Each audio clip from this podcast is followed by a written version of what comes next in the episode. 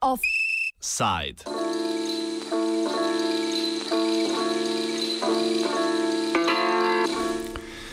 Levica je minuli teden v parlamentarni postopek uložila predlog zakonske spremembe, s katero želi ukiniti dopolnilno zdravstveno zavarovanje.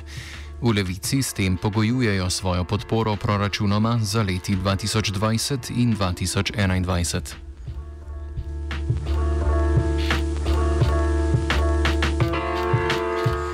Novela zakona o zdravstvenem varstvu tako poskuša v celoti odpraviti sistem dopolnilnega zdravstvenega zavarovanja in ga nadomešča s prenosom v obvezno zdravstveno zavarovanje, znotraj istega predloga pa uvaja prispevek za kapitalne dohodke. Ob tem z novelo zakona o prispevkih za socialno varnost urejajo dvig stopnje prispevka za del, eh, delojemalce, delodajalce in pokojninsko blagajno, s čimer bi ob ukinitvi dopolnilnega zdravstvenega zavarovanja na Zavodu za zdravstveno zavarovanje Slovenije predvidoma zagotovili dodatnih 566,3 milijona evrov.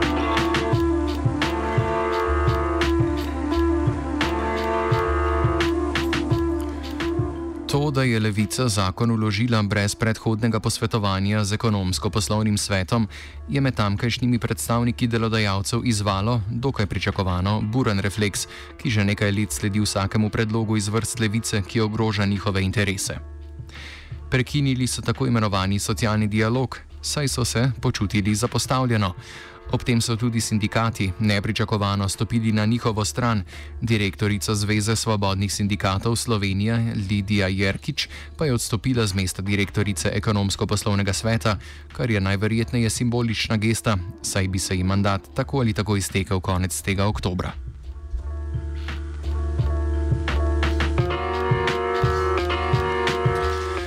Socialni sporazum je vstopil v veljavo 30. aprila 2003, še v času LDS-ove vlade, ko so se socialni partnerji znotraj ESS-ja strinjali, da je zdravje univerzalna človekova pravica, ob tem pa zdravje in zdravstvena varnost na več načinov vplivata na gospodarski in družbeni razvoj.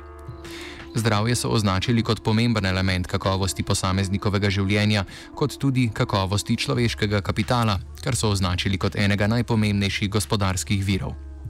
Strinjali so se, da je vlaganje v zdravje naložba v ekonomsko in socialno blaginjo in da ne pomeni nenadzorovanega povečanja družbenih odhodkov. Zaključili so, da mora zavezanost zdravju in razvoju le tega prevladovati na vseh nivojih družbenega odločanja. Za konec so zaključili, da bodo partnerji podprli takšne spremembe sistema zdravstvenega varstva, ki bodo temeljile na večji solidarnosti pri zagotavljanju sredstev za z reformo dogovorjene zdravstvene pravice ter večji pravičnosti pri njihovem razporejanju in zagotavljanju enake dostopnosti.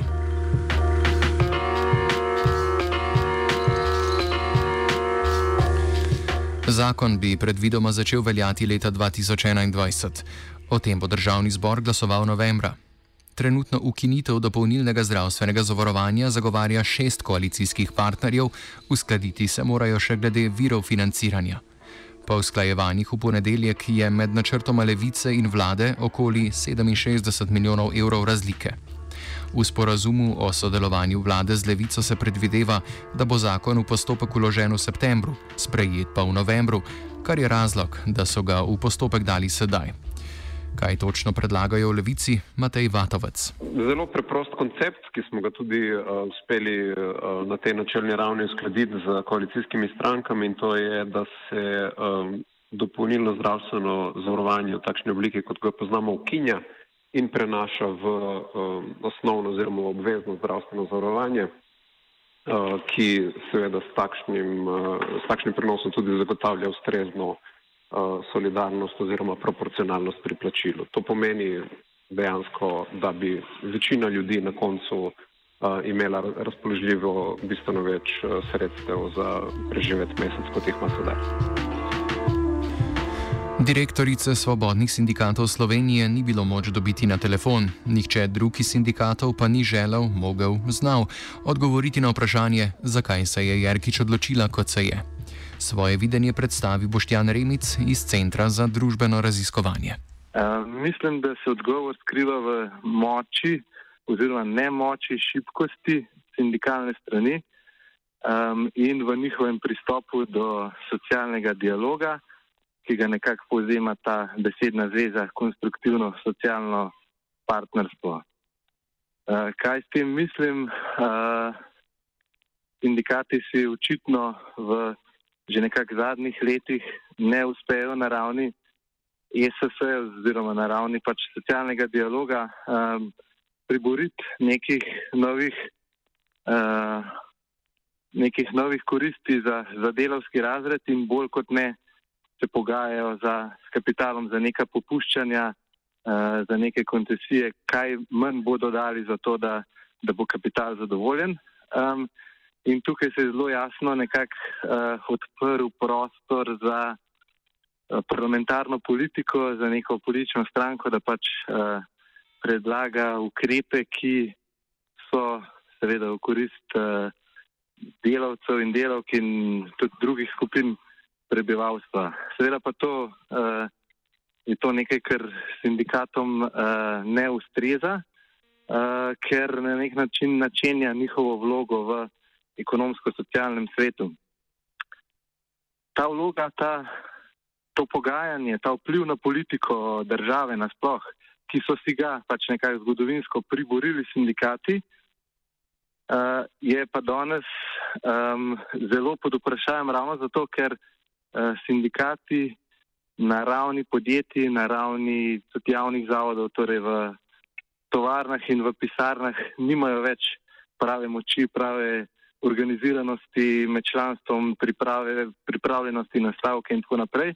In je nekako socialni dialog še zadnje zatočišče moči za njih, zato se ga tudi tako zelo uklepajo in se ti vodilni socialni, uh, vodilni sindikalni birokrati, eh, vodstva sindikatov seveda na ta način uh, nekako želijo še ohranjati moč sindikatov in vpliv na politiko in očitno so tukaj skupaj z delodajalci uh, našli nek skupen interes, da se ta to konstruktivno, konstruktivno narekovaj seveda uh, socialno partnerstvo nadaljuje, eh, čeprav seveda eh, ni v interesu eh, delavcev in delavk v, v tej državi. Ekonomsko-socialni svet v nadaljevanju ESS je tristrankarski organ socialnih partnerjev in vlade Republike Slovenije. Ustanovljen je kot posvetovalno telo, da bi obravnaval vprašanja in ukrepe povezane z ekonomsko in socialno politiko in druga vprašanja, ki se nanašajo na posebna področja dogovarjanja partnerjev. Ali ga je sicer bilo nujno vključiti že pred ulaganjem novele zakona? Um, ja, dejansko sama ustanovitev oziroma ureditev ekonomskega socialnega sveta je takšna, da vsi trije socialni partnerji, torej uh, organizirano delo na eni strani, na drugi uh, organiziran kapital uh, in seveda še država. Uh, se posvetujejo, dajo mnenja, pobude glede zakonodaje, pomembnih strateških uh, odločitev, predvsem na določenih področjih je to ključno, kar se tiče trga dela, zaposlovanja, uh, kar se tiče zdravstva, uh, tukaj smo se pa tem zakonu uh, izobraževanja itd. itd. Skratka, tukaj je neka vloga, ki je do zdaj v večji meri bila spoštovana, da to institucionalizirano pogajanje med uh, razredi v družbi dejansko gre skozi ta ekonomsko-socialni svet, ki je pa seveda nastal kot posledica nekih bojev, delovskih stavk, strokovnega vala, pritiskov delovstva uh, v letih od 90. do recimo 92. 93. Um, in kar se tiče formalnosti, seveda je to, da, da bi moral tak zakonodajni predlog uh, iti skozi pogajanja na ekonomsko-socialnem svetu, drži. Uh, po drugi strani pa, kar sem že omenil, to priča o šibkosti uh, vodstev sindikatov in nekak sindikatov nasploh, ki Eh, nekega takega predloga ne morejo priboriti, čeprav je zelo jasno, seveda, v korist njihovega članstva in delovskega razreda nasploh tudi ne sindikaliziranih.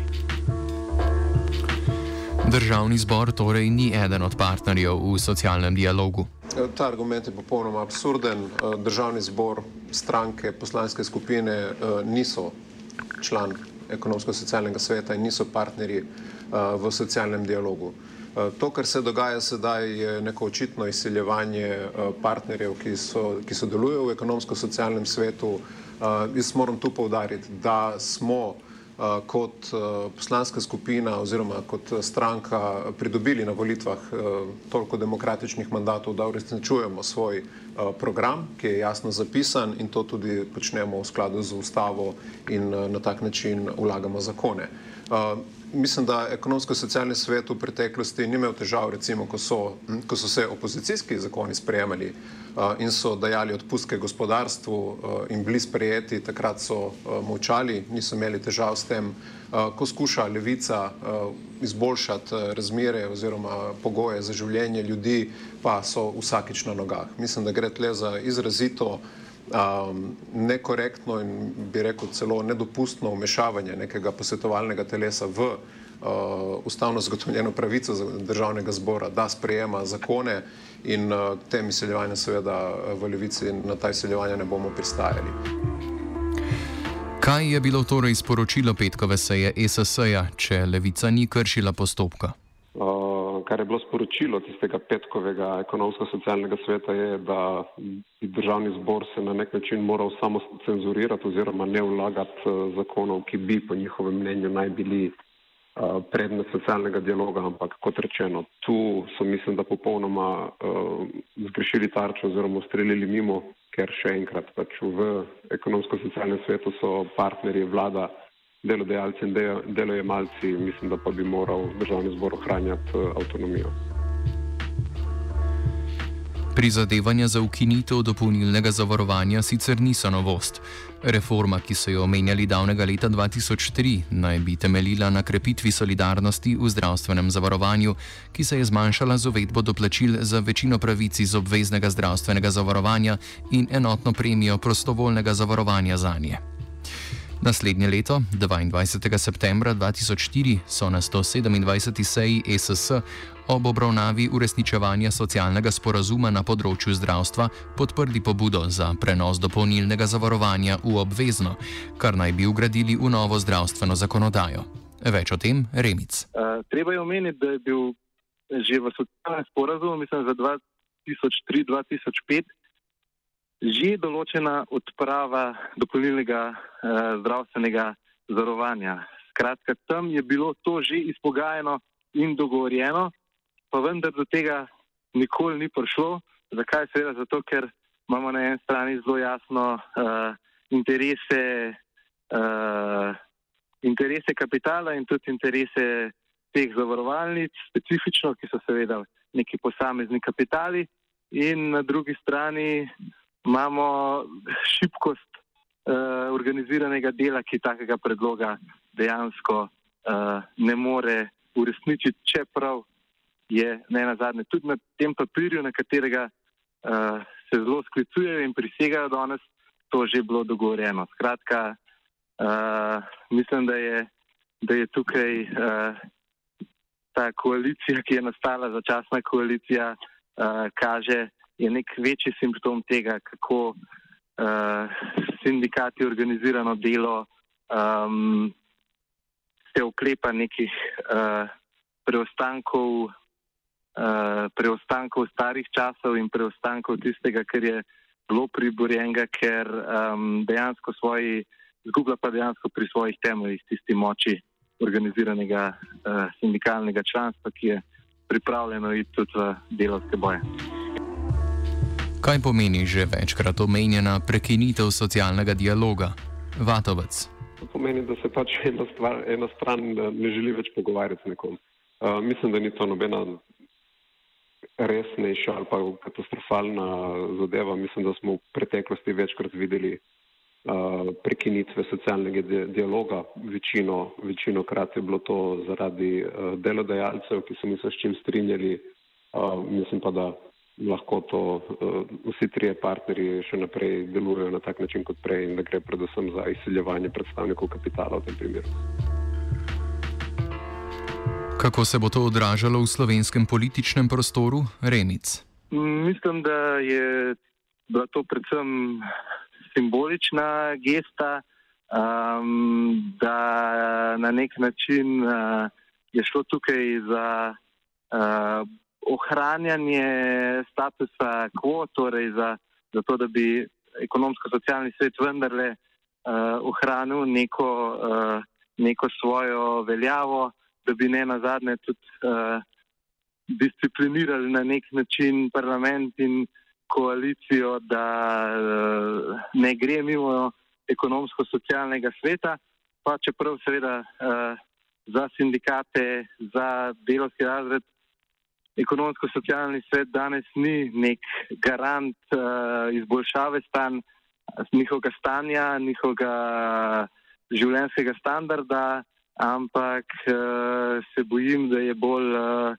to samo še neka tista uh, manjša zavora, ki uh, ohranja socialni mir.